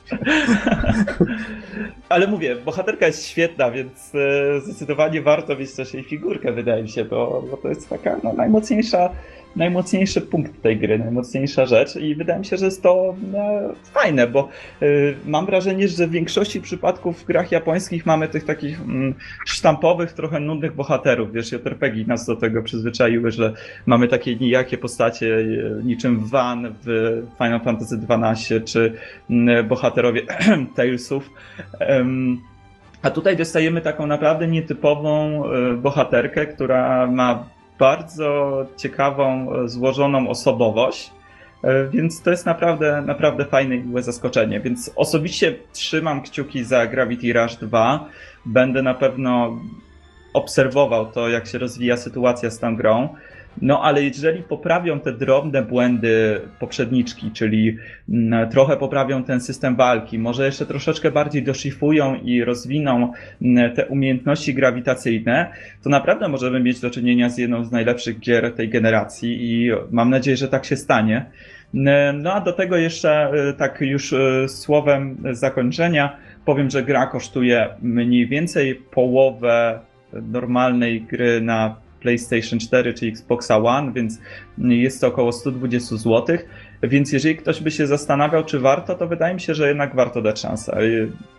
Ja zdecydowanie nie żałuję zakupu. Uważam, że jest to jedna z takich e, ciekawszych produkcji, że ona troszeczkę wykracza poza pewne takie standardy growe i tak dalej, więc mm, zdecydowanie warto dać szansę i się przekonać samemu.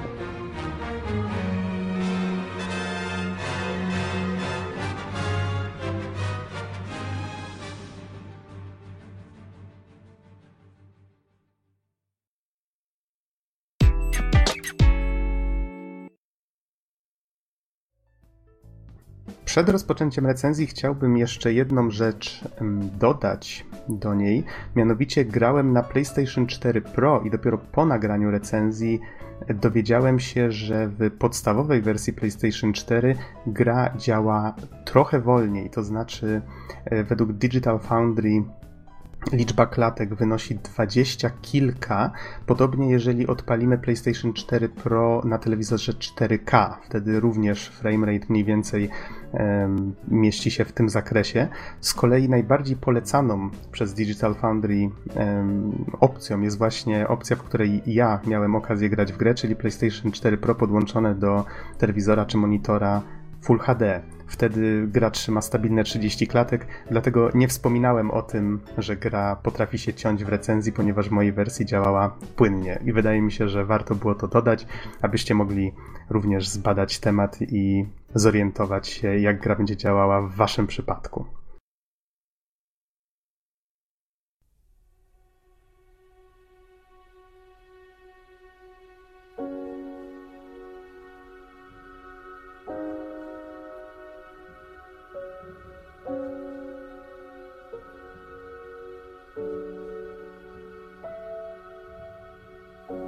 Cześć, w wirtualnym studio jest teraz ze mną Adam Noxa 15 Dębski. Witam.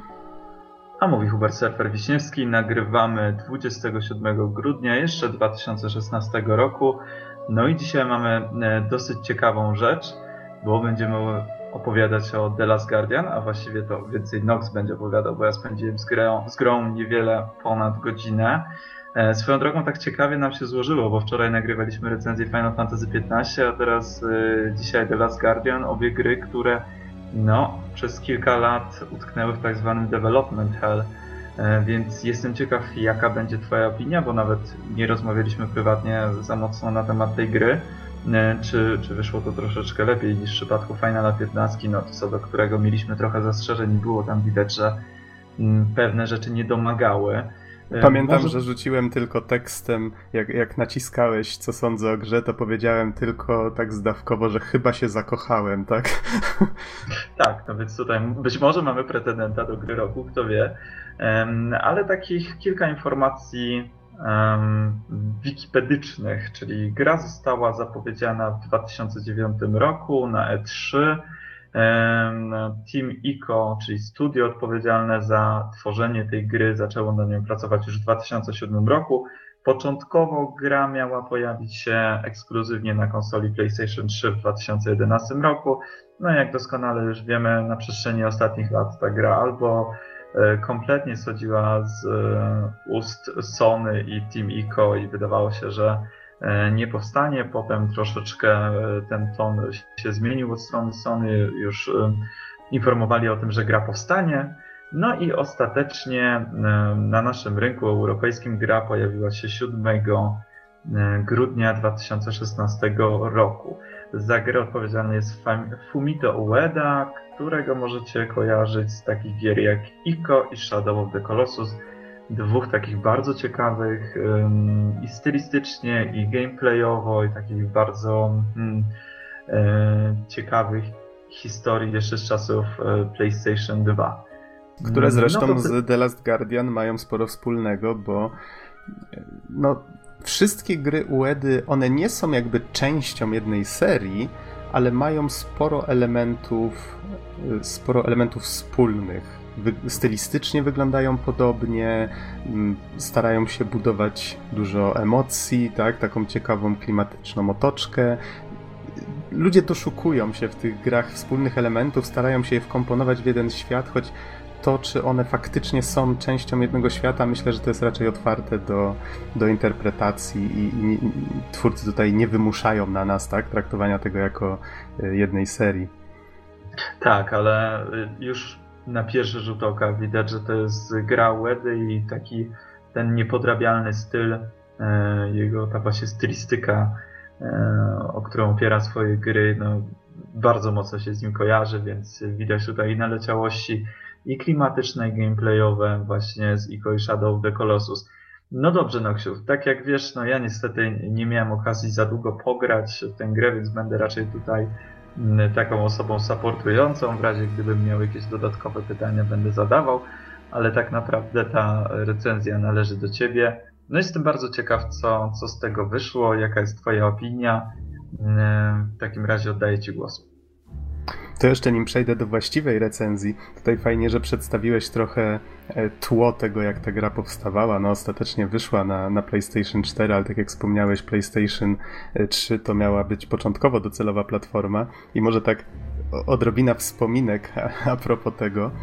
I ja pamiętam i specjalnie wyszukałem, na Kotaku znalazłem tak zwany timeline e, of the Last Guardians. Redakcja Kotaku stworzyła coś takiego z, z wczesnych newsów i dzięki temu udało mi się znaleźć informację o tym, kiedy właściwie widziałem pierwszy screenshot z The Last Guardian, jeszcze wtedy, kiedy nie było wiadomo zupełnie o czym ta gra będzie. Ten screenshot przedstawiał taki krąg kamienny i z tego kręgu wystaje łańcuch i widać cień czegoś, co jest do tego łańcucha przywiązane. I ten screenshot został opublikowany pod koniec stycznia 2008 roku. I ja już wtedy pamiętam, że byłem taki cały uradowany, tak, że Ico, które bardzo mi się podobało i Shadow of the Colossus, które jeszcze bardziej mi się podobało, bo to była jeszcze taka dość no w przeciwieństwie do Ico Shadow of the Colossus miał sobie sporo akcji, tak? Więc to dodatkowo budowało sporo adrenaliny, a emocji też tam nie brakowało, więc jak tylko się dowiedziałem, że twórcy tworzą kolejną wspaniałą grę, to, to nie mogłem się doczekać. No i w końcu stało się. W końcu stało się, tak jak ty czekałeś na Final Fantasy XV, myślę, że dużo bardziej ode mnie, tak samo ja czekałem na The Last Guardian. I ten, ten stwór przywiązany do tego łańcucha, niedługo potem nawet pokazano tego stwora, okazało się, że gra łączy niejako te dwa koncepty. W Wiko mieliśmy chłopca, który prowadził za rękę dziewczynę i próbował ją wyprowadzić, u, uwolnił ją z zamku i próbowali się wydostać stamtąd. No, były tam różne dziwne stwory i, i e, historia, która, e, którą poznawaliśmy właśnie w trakcie tej, tej ucieczki. Z kolei w Shadow of the Colossus mieliśmy wojownika, który próbował próbował przywrócić do życia swoją ukochaną i dowiedział się, że żeby to zrobić, musi pokonać ileś tam mitycznych kolosów, które zamieszkiwały taką zakazaną dla człowieka krainę. I twórcy wykorzystali część elementów z obu tych gier, żeby stworzyć e, The Last Guardian, czyli mamy małego chłopca i mamy wielkiego stwora, po którym możemy się wspinać, tak samo jak mogliśmy się wspinać po kolosach. E, Trico, bo tak nazywa się właśnie ten stwór, on przypomina trochę połączenie kota, psa i ptaka, no może orła, bo, bo ma skrzydła, co prawda połamane, widać, że coś złego mu się stało. Jest opierzony, w sensie, w sensie ma pióra i zamiast łap ma takie szpony, co, co, coś, coś w tym rodzaju. No jest to, jest to dość dziwaczna bestia, bardzo duże stworzenie i początkowo, nie chcę tutaj za dużo mówić o przebiegu gry, o, o historii, postaram się jak najmniej spoilować przy okazji, bo myślę, że bardzo e, wiele emocji rodzi się z tego, że się pewne rzeczy widzi po raz pierwszy. Niemniej gra zaczyna się w jaskini, gdzie chłopiec się budzi, widzi, że jest pokryty jakimiś dziwnymi tatuażami, które widzi po raz pierwszy w życiu. A przed nim leży właśnie, właśnie Triko i tak zaczyna się e, przygoda tej dwójki. Bohater najpierw karmi Triko, znaczy my już jako gracz, tak? Poruszamy się po otoczeniu, uczymy się e, poruszać. Widzimy, że w okolicy leżą jakieś świecące beczki. Narrator, który trochę przedstawia historię, trochę nam pomaga i y, mówi o chłopcu jak o sobie, czyli domyślamy się, że narrator jest po prostu starszą wersją chłopca, tak? Czyli wspomina to, co go kiedyś spotkało. Y, on wspomina, że, że bestia wydawała się głodna, no to automatycznie stwierdzamy, ok, to trzeba ją nakarmić tymi beczkami y, i tak dalej, i tak dalej. Gra nas powoli prowadzi czasami za rączkę, czasami, czasami nie. I właśnie ta, ta nasza przygoda z Triko w ten, w ten sposób się zaczyna. Czyli ucieczka z miejsca, którego tak do końca nie wiemy jeszcze, gdzie się znajduje, co tak naprawdę tak tam robimy. W pewnym momencie się dowiadujemy oczywiście, ale, a, ale w tej tajemnicy właśnie jest cała, cała radocha z gry. I tak jak już wspomniałem, to wszystko jest, y, chyba że masz serwer jakieś pytania, to, to wiesz, przerywaj mi śmiało, nie przejmuj się. Oczywiście. E, w, tak jak wspomniałem, The Last Guardian łączy w sobie, znaczy ma sporo wspólnego z tymi poprzednimi grami też poprzez stylistykę, czyli mamy tutaj podobną architekturę, mamy ubiór postaci, yy, który też przywodzi na myśl chociażby ubiór bohatera, yy, bohaterów poprzednich yy, gier w Fumito Uedy, podobną kolorystykę, to w jaki sposób się światło rozchodzi, całość przypomina taką em, trochę kreskówkę, chociaż z drugiej strony otoczenie i sam triko, one, te elementy wyglądają bardzo, starają się wyglądać bardzo realistycznie, czy to trawa, jakieś rośliny, czy, czy te skalne budynki, które nas otaczają. E, świątynie, tak właśnie dość tajemniczo to wygląda. Jeżeli ktoś grał w Shadow of the Colossus, to myślę, że czy, czy Wiko, no tutaj w obie te poprzednie gry, to myślę, że spokojnie się tutaj odnajdzie e, w tym klimacie. To, to wszystko stara się wyglądać w miarę realistycznie. Z kolei sam chłopiec, którym kierujemy, on już faktycznie jest taki, taki bardziej kreskówkowy, e, pociągnięty właśnie jakimś takim chyba cel shadingiem delikatnym. Jego kolory są lekko, e, lekko uproszczone, ale dzięki temu bardzo łatwo go odnaleźć na ekranie. Jeżeli się chwytamy powiedzmy tej bestii, to to chłopiec tonie w tym, w tym pierzu, ale my przy okazji jesteśmy w stanie go łatwo odnaleźć, więc to myślę jest też taki designerski e, wybór, żeby ułatwić trochę, trochę grę. Niemniej całość się naprawdę ślicznie prezentuje. Bardzo mi się ta gra graficznie podoba. Spotkałem się wcześniej z takimi opiniami, że ona wygląda jakby, jakby została przeniesiona z poprzedniej generacji. No bo jakby na to nie patrzeć, powstawała bardzo długo, prawda? Ale sam nie wiem. Szczerze mówiąc, ani razu nie myślałem, że gra wygląda na starą, czy coś w tym rodzaju. Wszystko stylistycznie wygląda ślicznie i budziło raczej e, miłe skojarzenia, więc nie zastanawiałem się nad tym. No powiem Ci, że jeżeli, e, jeżeli o mnie chodzi, no ja tutaj oczywiście nie mam jakiejś, e, jakiegoś szerokiego takiego spektrum, jeżeli chodzi o, o to, co widziałem, ale przez tę pierwszą godzinę, no to powiem szczerze, że graficznie ta gra robi duże wrażenie. Naprawdę mm, no, nie wygląda to jak gra z poprzedniej generacji podbita do HD. E, to zdecydowanie widać, że, w pewnym momencie podjęli decyzję o tym, że tworzą tę grę na PlayStation 4 i widać, że mm, ta gra nie ma czego się wstydzić, jeżeli chodzi o stronę techniczną. Przynajmniej taka jest moja opinia, właśnie jeżeli chodzi o to oświetlenie, jeżeli chodzi o opierzenie tego mm, naszego stwora, jeżeli chodzi o różnego rodzaju jego animacje i tak dalej, to wszystko wygląda naprawdę przepięknie i no jestem przekonany, że czegoś takiego nie dałoby się osiągnąć e, w takim stopniu poprzedniej generacji, więc to troszeczkę mm, e, troszeczkę są takie zarzuty według mnie nie do końca trafione. Jeszcze inna sprawa, że ta gra mam wrażenie, że dużo lepiej prezentuje się w ruchu, właśnie kiedy widzimy każdy każde piórko, które się porusza na triko, gdy widzimy e, jego zachowanie, gdy widzimy cały ten świat, jak on się e, porusza, te trawy i tak dalej, no to, to tworzy zupełnie inny obraz tego i e, według mnie wygląda to naprawdę bardzo ładnie. Mhm, tak, tak, zgadzam się w pełni. Wspomniałeś o ruchu, to warto dodać, że właśnie animacje triko to jest coś, co jako twórca, jak patrzę na właśnie na ogrom pracy, jakie musieli twórcy w to, w to włożyć, to, ciężko uwierzyć, chociaż no, to, to trochę uzasadnia właśnie ten czas, jaki musieli poświęcić na to, żeby tę grę skończyć, bo główną atrakcją jakby w tej grze jest to, że Triko towarzyszy nam właściwie cały czas. My widzimy, jak on się porusza, widzimy, jak przygląda się otoczeniu, jak powiedzmy zjada te beczki. Wszystko, gdziekolwiek się nie ruszymy, Triko za nami idzie. I i jego interakcje z otoczeniem, to wszystko wymagało prawdopodobnie masę pracy i tak jak w innych grach, powiedzmy, level designer może sobie pyknąć jakiś pokoik i okej, okay, tutaj wstawimy skrzyneczkę, coś tam, gracz sobie tu wejdzie, popatrzy i pójdzie.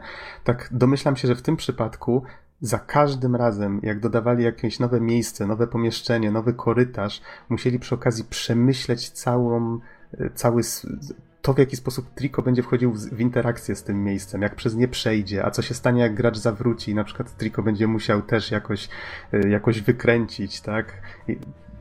Wow, naprawdę rozsadziło mi to łepetynę, chociaż całe szczęście nie myślałem o tym dość długo, bo Triko zachowuje się po prostu rewelacyjnie.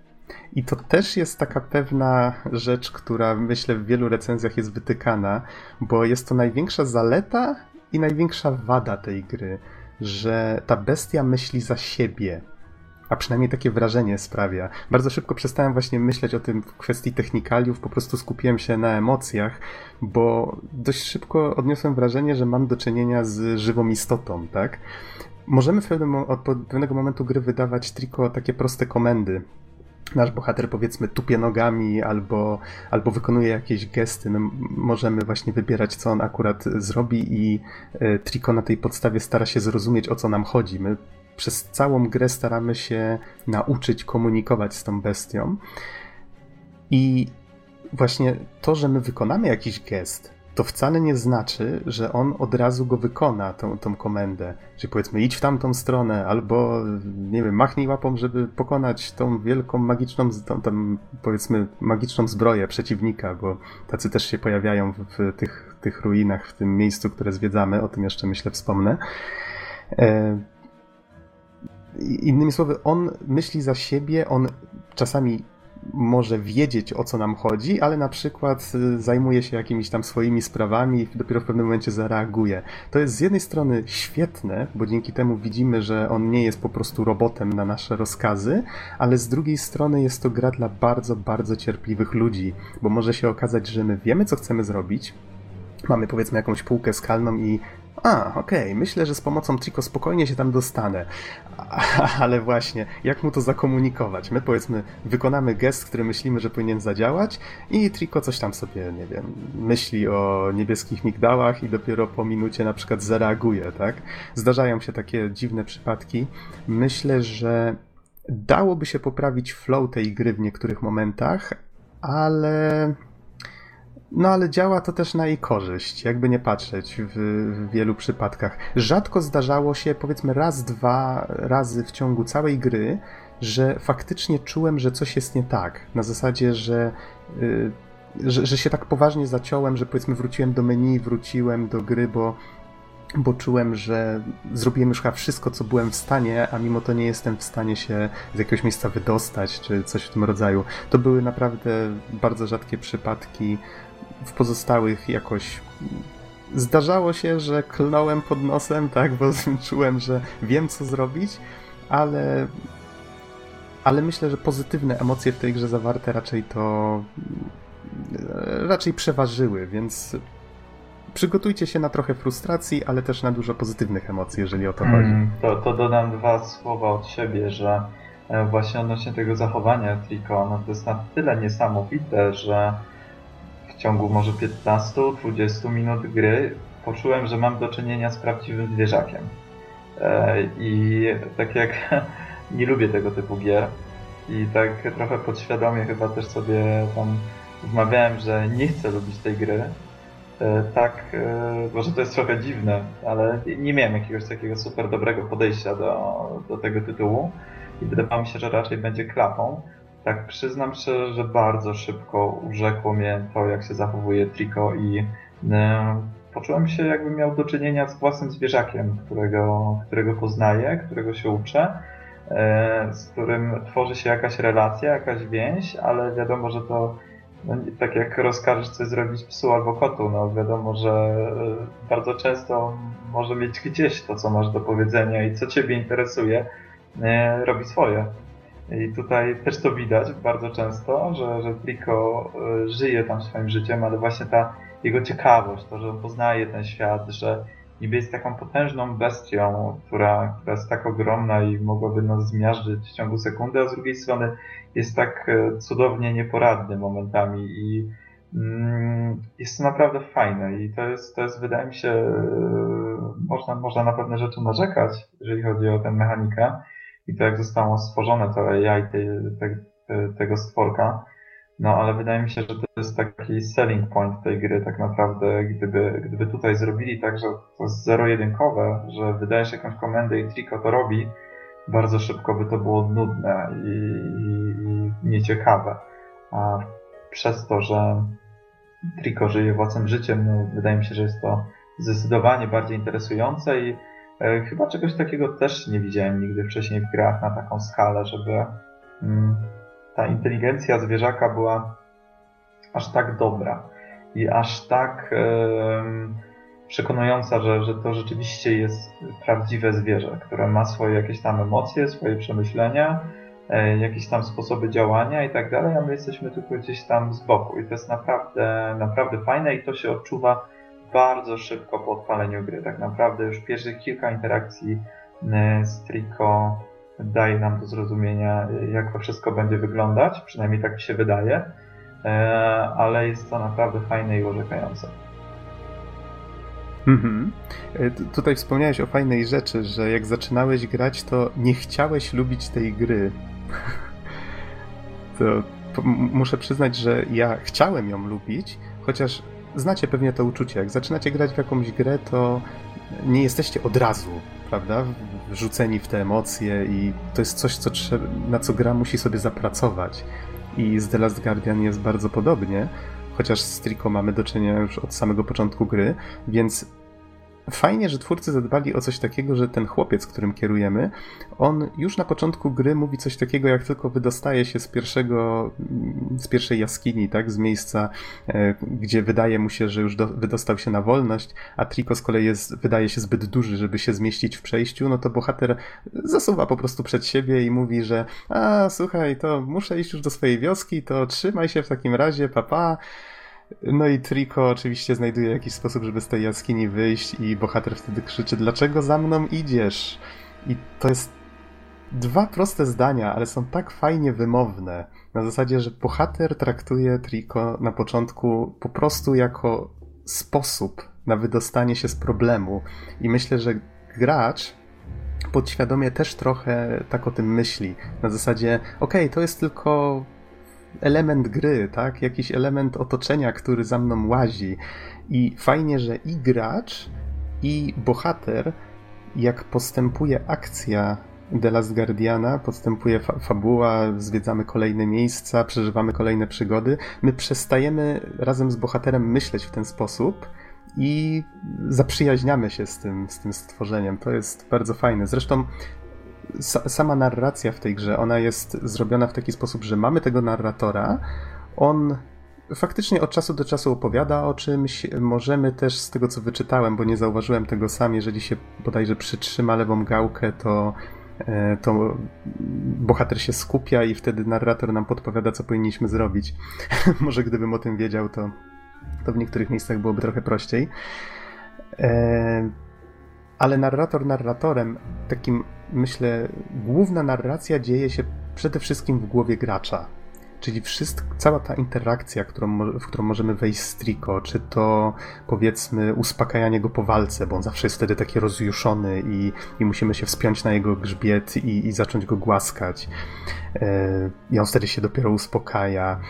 E, możemy go pogłaskać powiedzmy po karku czy po pyszczku, tak? Każdy z takich drobnych elementów sprawia, że my sobie w głowie jakoś tam dopowiadamy y, to, tą naszą relację z tym wirtualnym stworzeniem.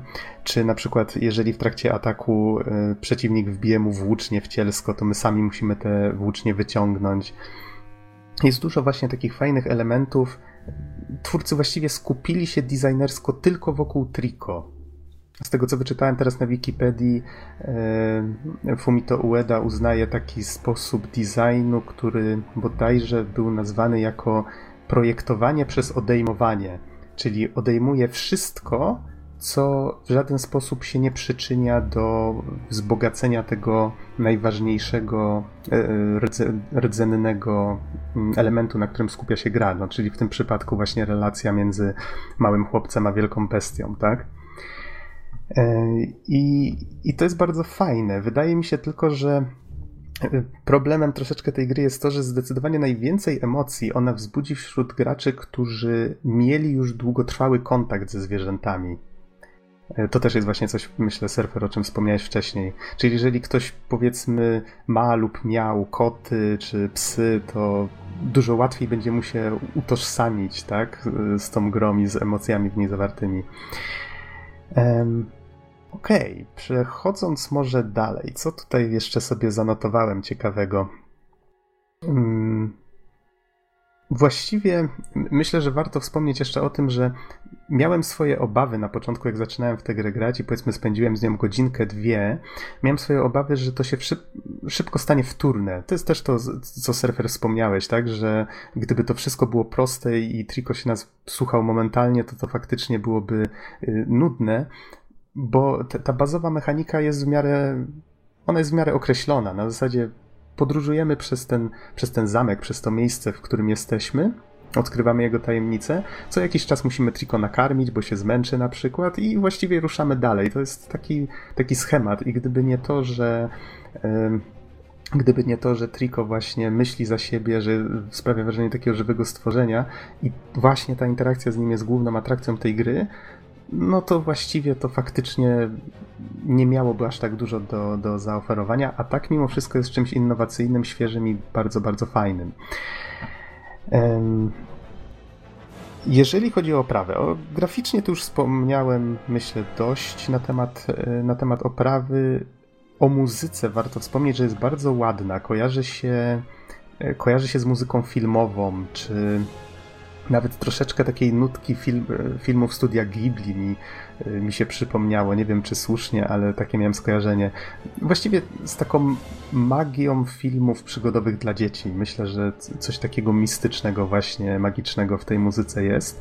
Takie utwory, które najbardziej zapadły mi w pamięć, to są takie, które pojawiały się w, w takich dynamicznych scenach, czyli powiedzmy, jak właśnie walczyliśmy z tymi e, zbrojami, które się pojawiały. Możemy wtedy wydawać jakieś komendy triko w rodzaju machnij łapą albo podskocz. On wtedy rozwala te zbroje, a my musimy tylko uważać, żeby żadna z nich nas nie złapała. Nie będę może wchodził tutaj w szczegóły tego, co się dzieje, tak? Jak, jak, jak nas złapią, w jaki sposób twórcy to rozwiązali. Jest tu sporo takich fajnych smaczków, które się wyjaśniają z czasem. A, ale wszystko, wszystko właśnie w, też jest częścią tej takiej nietypowej, nietypowej, trochę minimalistycznej narracji. E, jedyne, do czego mógłbym się w oprawie przyczepić, to kamera. Chociaż widziałem, że z najnowszym patchem, którego nie miałem okazji przetestować, coś tam z tą kamerą zmieniano. Ona jest w miarę ok, chociaż czasami zdarza się, że w jakichś ciasnych miejscach ona za wszelką cenę stara się nie wchodzić w obiekty, żeby nie burzyć immersji, powiedzmy, nie, nie wchodzić w obiekt triko czy w obiekt ściany. Y, z reguły, jeżeli dochodzi do jakiejś takiej sytuacji, że zaraz ma się wtopić w coś, to wtedy dochodzi do wyciemnienia, więc czasami są takie migawki i może się to wydawać niekiedy dziwne, chociaż myślę, że to, co twórcy starali się z tym zrobić, jest jak najbardziej słuszną ideą. No, nie udało mi się sprawdzić, co z tym najnowszym patchem zrobili. Jeżeli faktycznie coś poprawili, to, to tylko na lepsze, tak? Mam nadzieję. E, no i cóż, wydaje mi się, że a, no okej, okay. jeszcze nim przejdę do podsumowania, miałem troszeczkę powiedzieć o, o, samym miejscu, w którym, dzieje się, w którym dzieje się akcja. Nie chcę za dużo zdradzać, wspomniałem już tyle, że przeciwnikami w grze są e, chodzące magiczne zbroje, strażnicy miejsca, w którym, w którym jesteśmy. Sama lokacja, ona jest o tyle fajnie zbudowana, że podobnie jak w ICO, jeżeli patrzymy z różnych miejsc, to widzimy miejsca dookoła, w których prawdopodobnie się kiedyś znajdziemy, albo w których już byliśmy. To jest coś, co bardzo lubię w level designie, już na pewno e, słuchacze kojarzą jak, jak mówiłem o tym w przypadku chociażby Dark Souls, tak? To jest bardzo fajna rzecz, że mamy taką zbitą lokację i choć gra jest liniowa, idziemy po ściśle wyznaczonej ścieżce, to my obserwując otoczenie możemy sobie sami w głowie budować mapę tego miejsca. To jest coś, co bardzo lubię w, właśnie w, w level designie tego typu. Troszeczkę mi się to kojarzy chociażby z Piaskami Czasu, z Prince of Persia, czy, czy właśnie z wspomnianym Ico. Fajnie, fajnie, że twórcy tak to rozwiązali, bardzo mi się to, to podobało. Ale nie będę zdradzał nic więcej na ten temat, poodkrywajcie sami, bo jest to, myślę, część, część zabawy związana z tą grą. E, sama zabawa zajęła mi około 12 godzin, chyba, chyba trochę mniej, tak z 11.30, chociaż widziałem, że są trzy trofea speedrunnerskie w grze. Jedno za skończenie bodajże poniżej 30 godzin, jedno poniżej 15 i jedno poniżej 5. Chociaż gwarantuję wam, że nikt nie będzie w stanie skończyć tej gry poniżej 5 i nie polecam się śpieszyć. To jest najgłupsza rzecz, jaką można w tej grze zrobić, gdy się gra w nią po raz pierwszy. E, chociaż dobrze wiedzieć, że da się ją skończyć tak szybko. Jest tam, jeżeli miałbym ją komuś polecić, to w ten sposób, że jest tam wiele zapadających w pamięć scen. Jest to chyba pierwsza gra, albo jedna z nielicznych, które faktycznie wzbudziły we mnie troskę do wirtualnego stworzenia. To jest, myślę, emocja, którą dość rzadko twórcy starają się budzić w graczach. Czasami zdarzało mi się łapać na tym, że w myślach kibicowałem Triko, jak wspinał się w jakiejś niebezpiecznej sytuacji, albo przepraszałem go, jak rzucając beczkę trafiłem go w pyszczek, tak? I usłyszałem takie skomlenie, to ojej, ojej, przepraszam Triko, tak? Więc dużo fajnych emocji, których w innych grach, myślę, ze świecą szukać. I to samo w sobie myślę, że jest wystarczającym powodem, żeby sięgnąć po The Last Guardian.